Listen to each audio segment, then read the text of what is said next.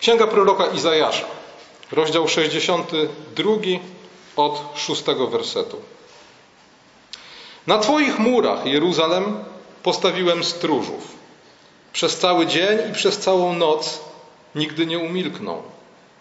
Wy, którzy wyznajecie Pana, nie milczcie i nie dajcie mu spokoju, dopóki nie odbuduje Jeruzalemu i dopóki nie uczyni go sławnym na ziemi.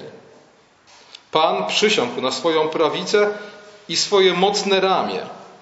Już nigdy nie dam Twojego zboża na pokarm Twoim nieprzyjaciołom, a cudzoziemcy nie będą pili Twojego wina, przy którym mozolnie pracowałeś.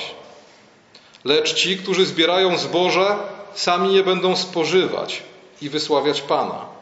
A ci, którzy zbierają wino, sami będą je pić w przedsionkach mojej świątyni.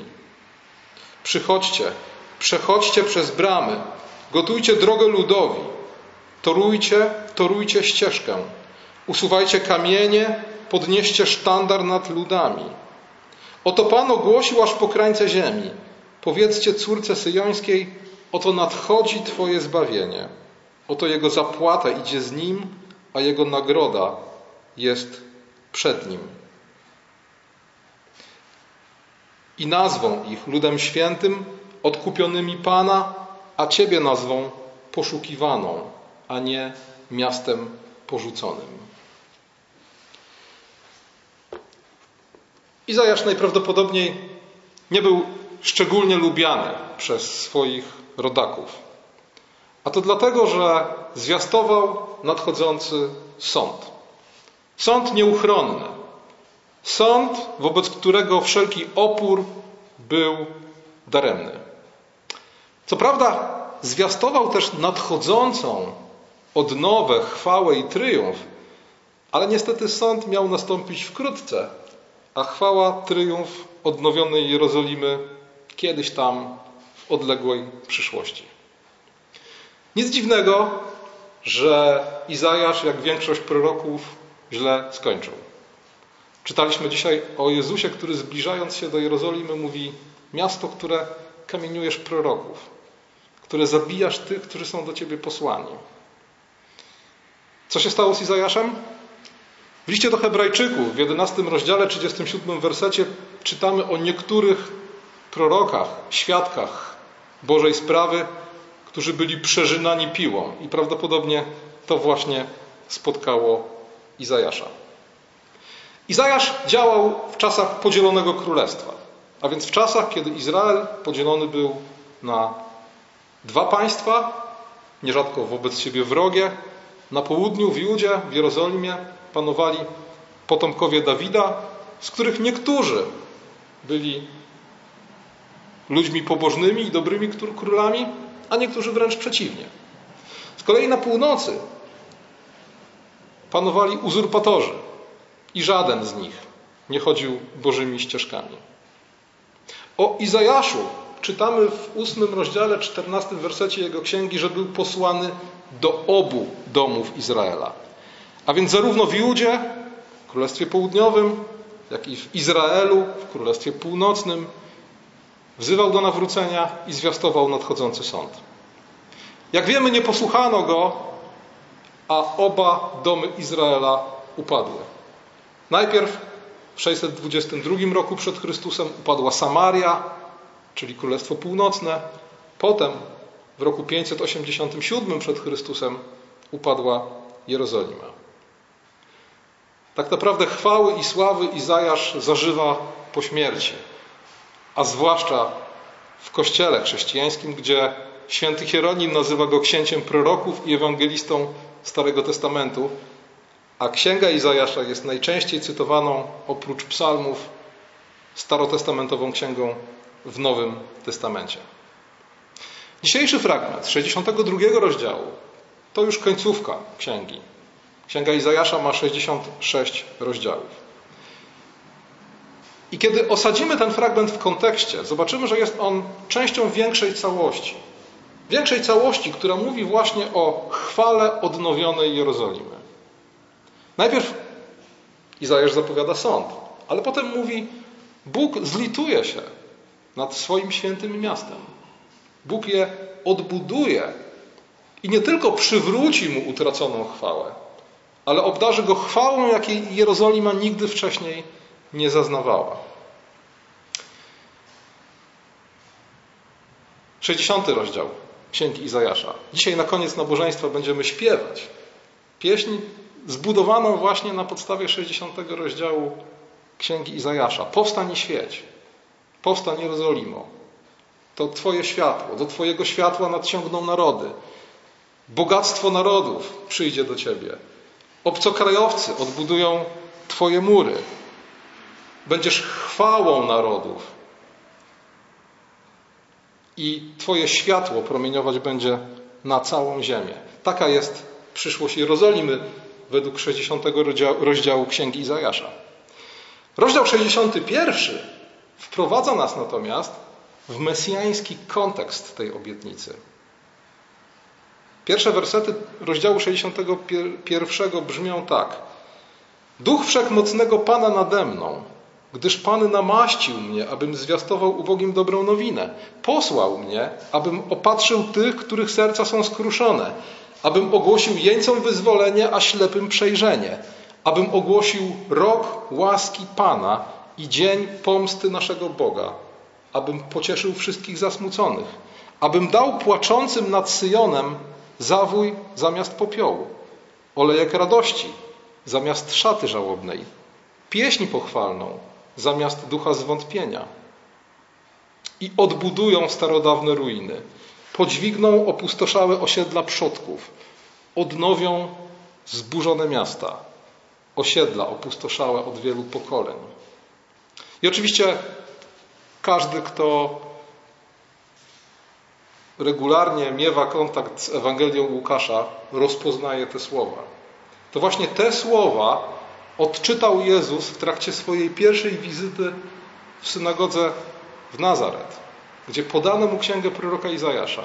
On odczytał te właśnie słowa, po czym powiedział: Dziś wypełniło się to tu i teraz, w Waszej obecności.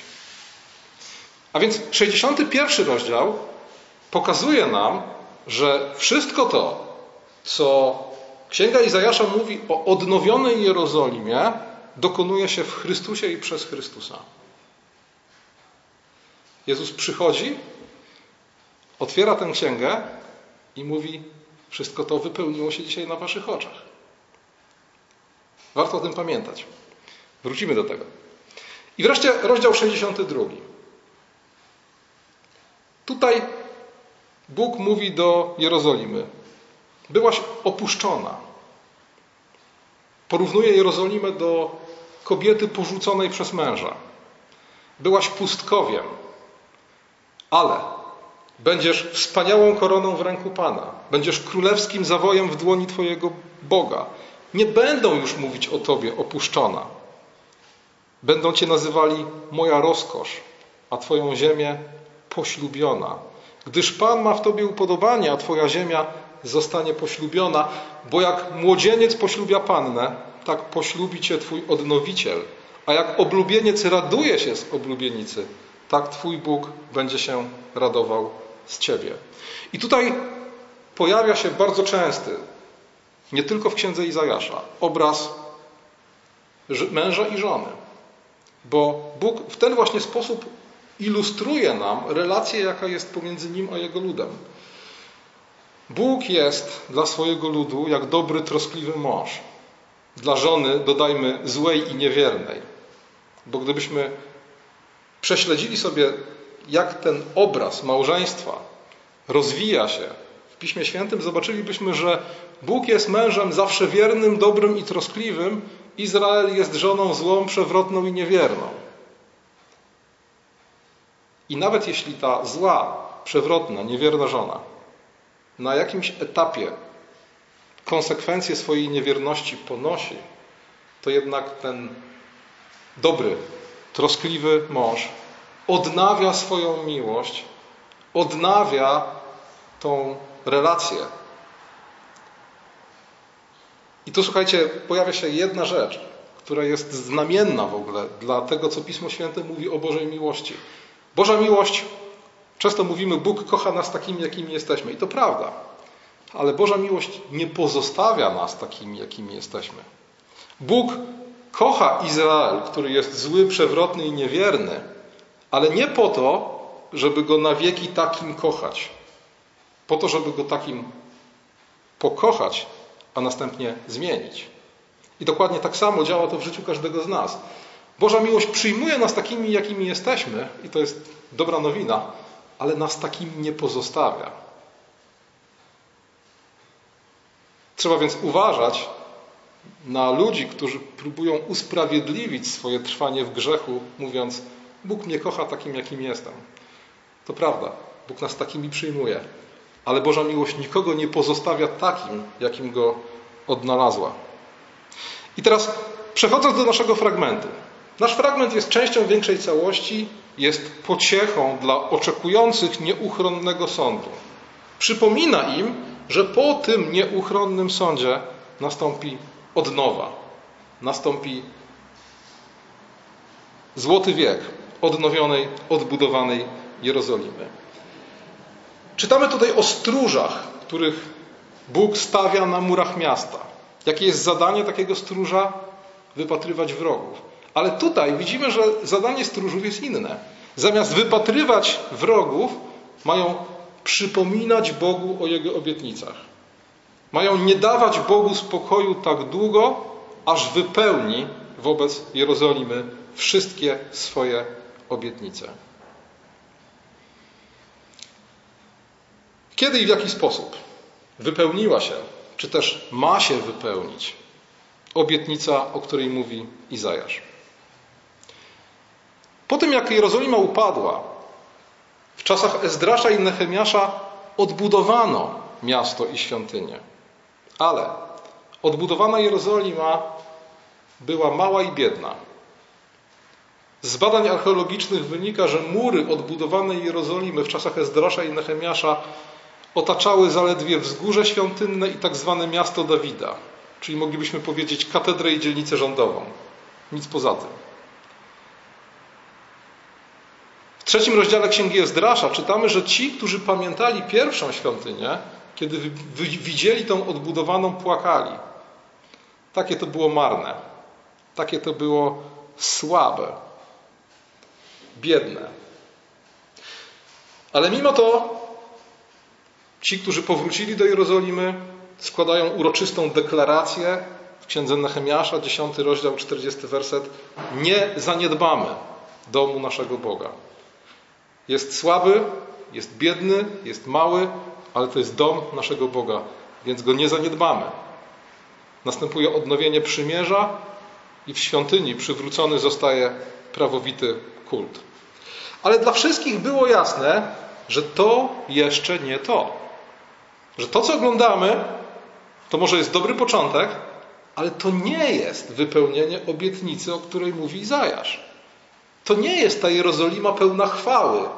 To nie jest ten Izrael, który jest głową narodów, do którego spływają bogactwa narodów i do którego wszystkie narody przychodzą, żeby czerpać pouczenie.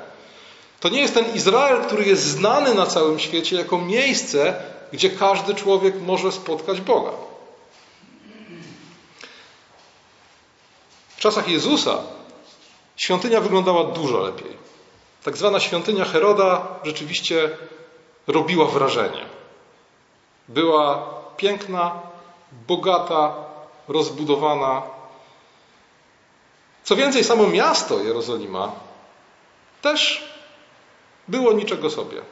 Było bogate, na pewno dużo większe wrażenie robiło niż miasto odbudowane przez Ezdrasza i Nehemiasza. Ale nadal to nie było to. Nadal wszyscy sobie zdawali sprawę, że to nie jest jeszcze wypełnienie obietnicy, o której mówił Izajasz. Przecież Jerozolima znajdowała się pod rzymską okupacją.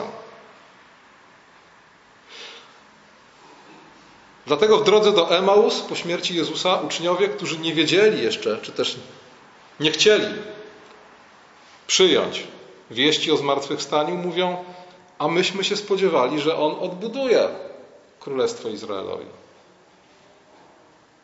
Spodziewali się, że to Jezus wypełni obietnicę, o której mówił Izajasz. Co więcej, spodziewali się nie bezpodstawnie, no, bo przecież sam Jezus, powołując się na 61 rozdział Izajasza w synagodze w Nazarecie, powiedział tak, ja to uczynię.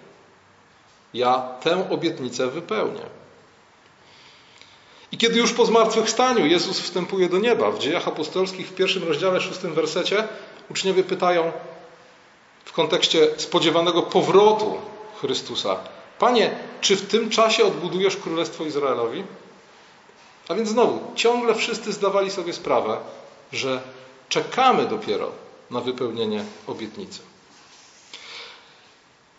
Jeszcze bardziej oczywiste stało się to po roku 70. Po tym, jak Rzymianie zburzyli miasto i świątynię i jak Żydzi ulegli kolejnemu rozproszeniu po wszystkich ziemiach Imperium Rzymskiego.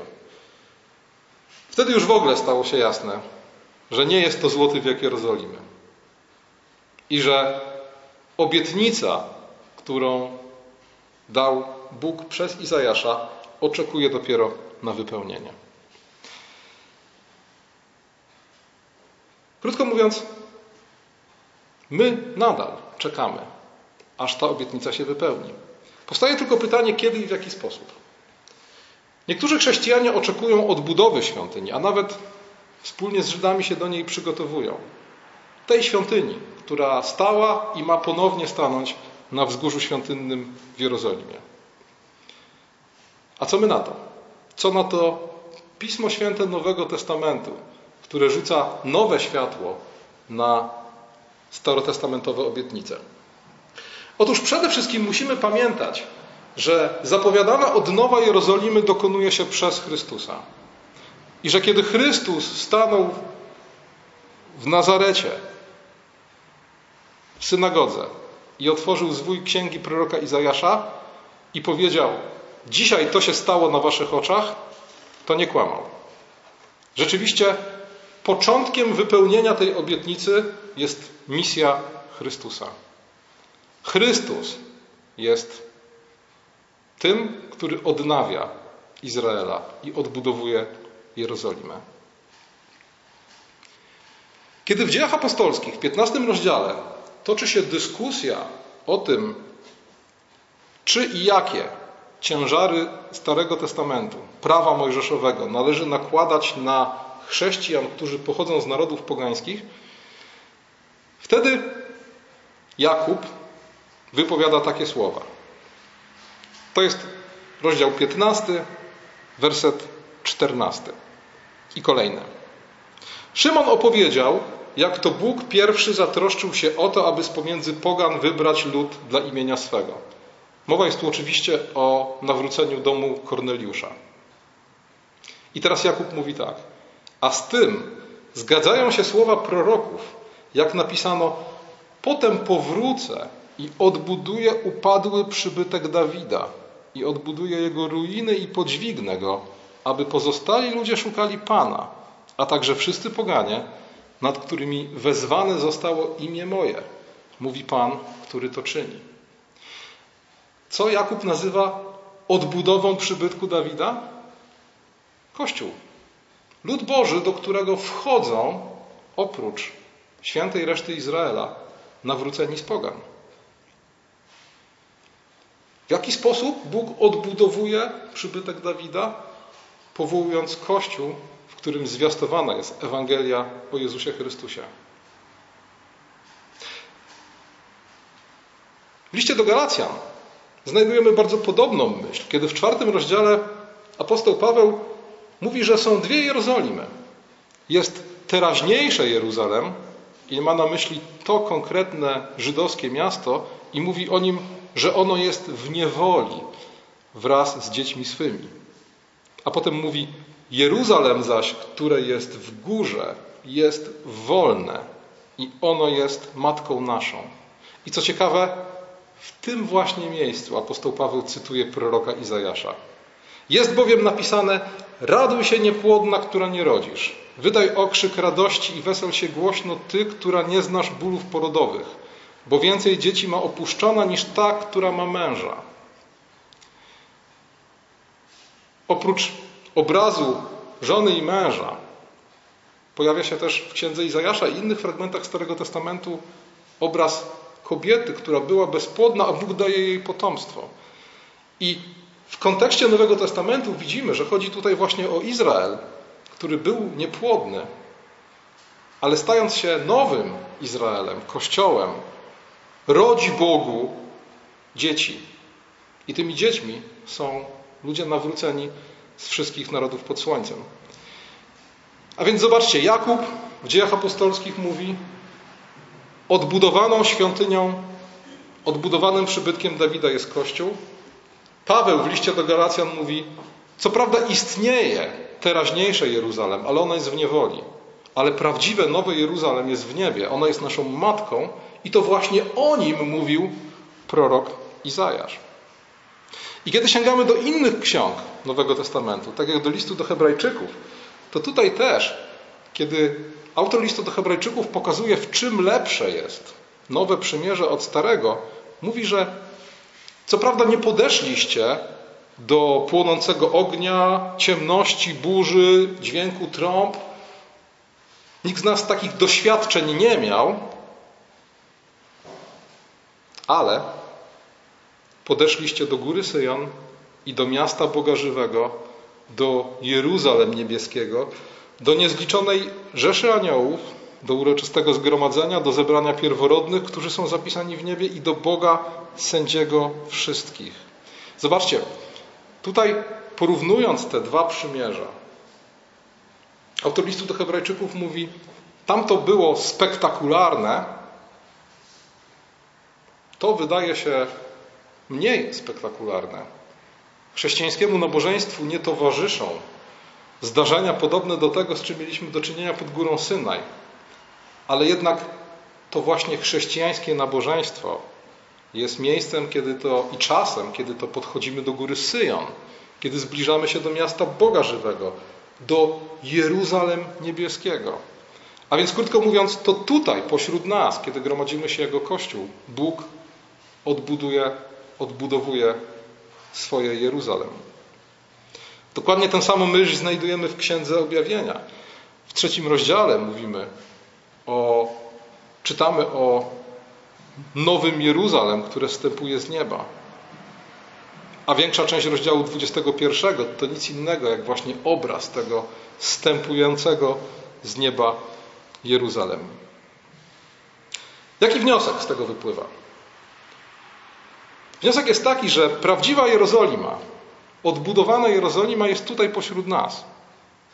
Tutaj pośród nas, w Kościele, tam gdzie gromadzimy się wokół Chrystusa, jest prawdziwa świątynia i innej nie potrzebujemy. Odnowioną, odnowionym Izraelem, który jest światłem dla narodów, miejscem, gdzie każdy człowiek może spotkać Boga, jest Kościół gromadzący się na całej ziemi.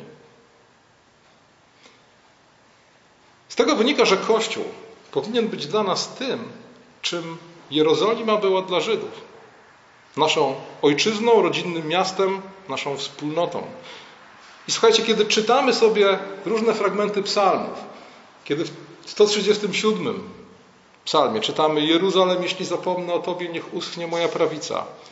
Albo kiedy w psalmie 122 czytamy Uradowałem się, gdy mi powiedziano pójdziemy do domu pańskiego.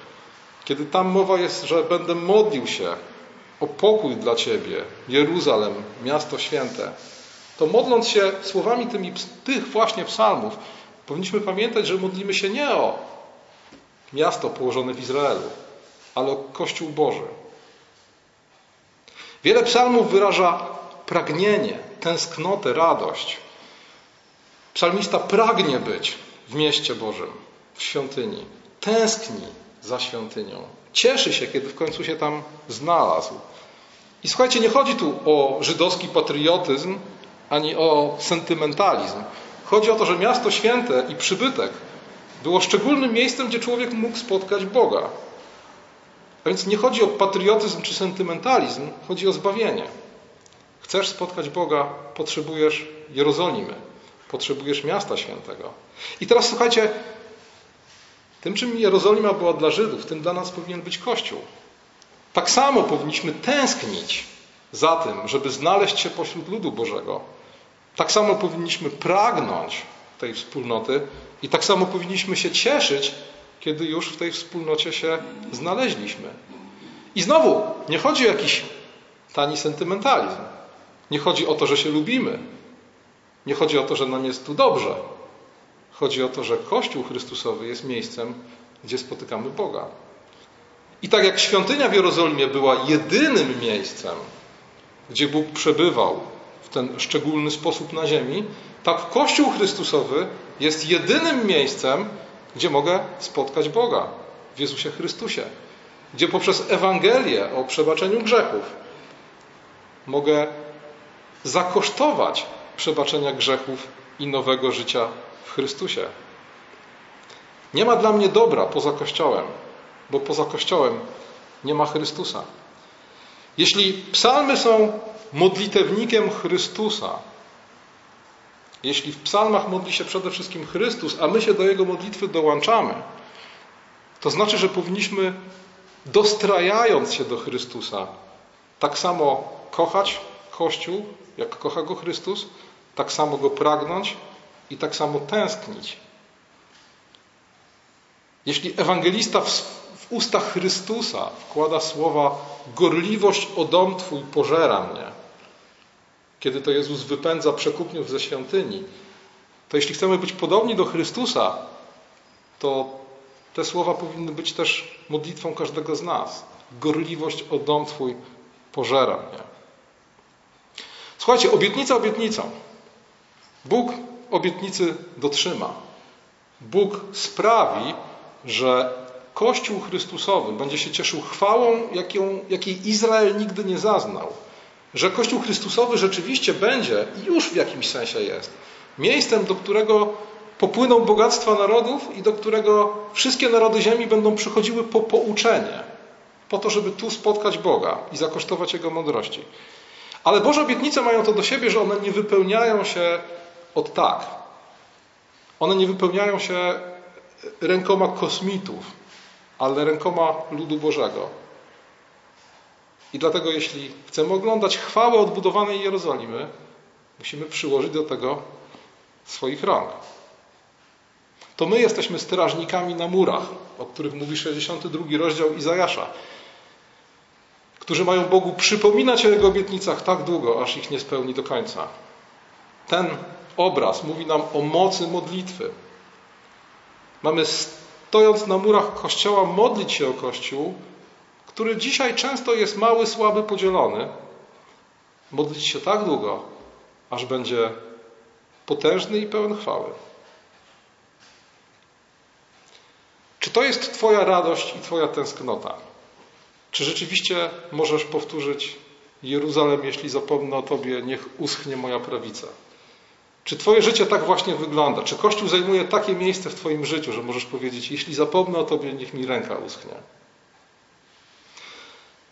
W księdze Geusza spotykamy ludzi, którzy wrócili z niewoli i powiedzieli: Jeszcze nie czas, żeby zająć się odbudową świątyni.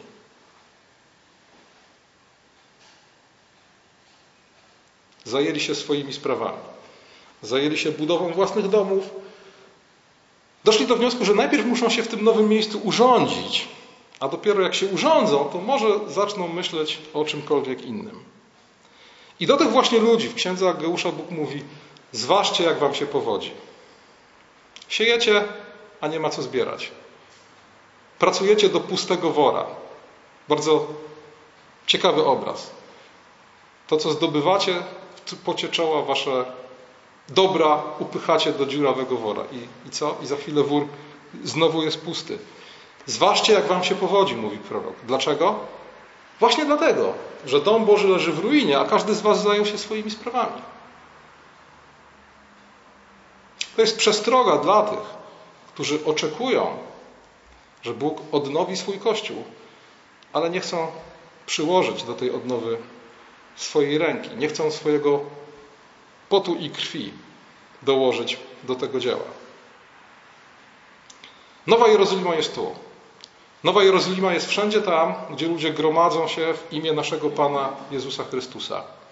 I na podstawie Bożych obietnic wierzymy, że już dziś, za sprawą tego nowego Jeruzalem, Ewangelia o Jezusie Chrystusie dociera do wszystkich możliwych zakątków świata.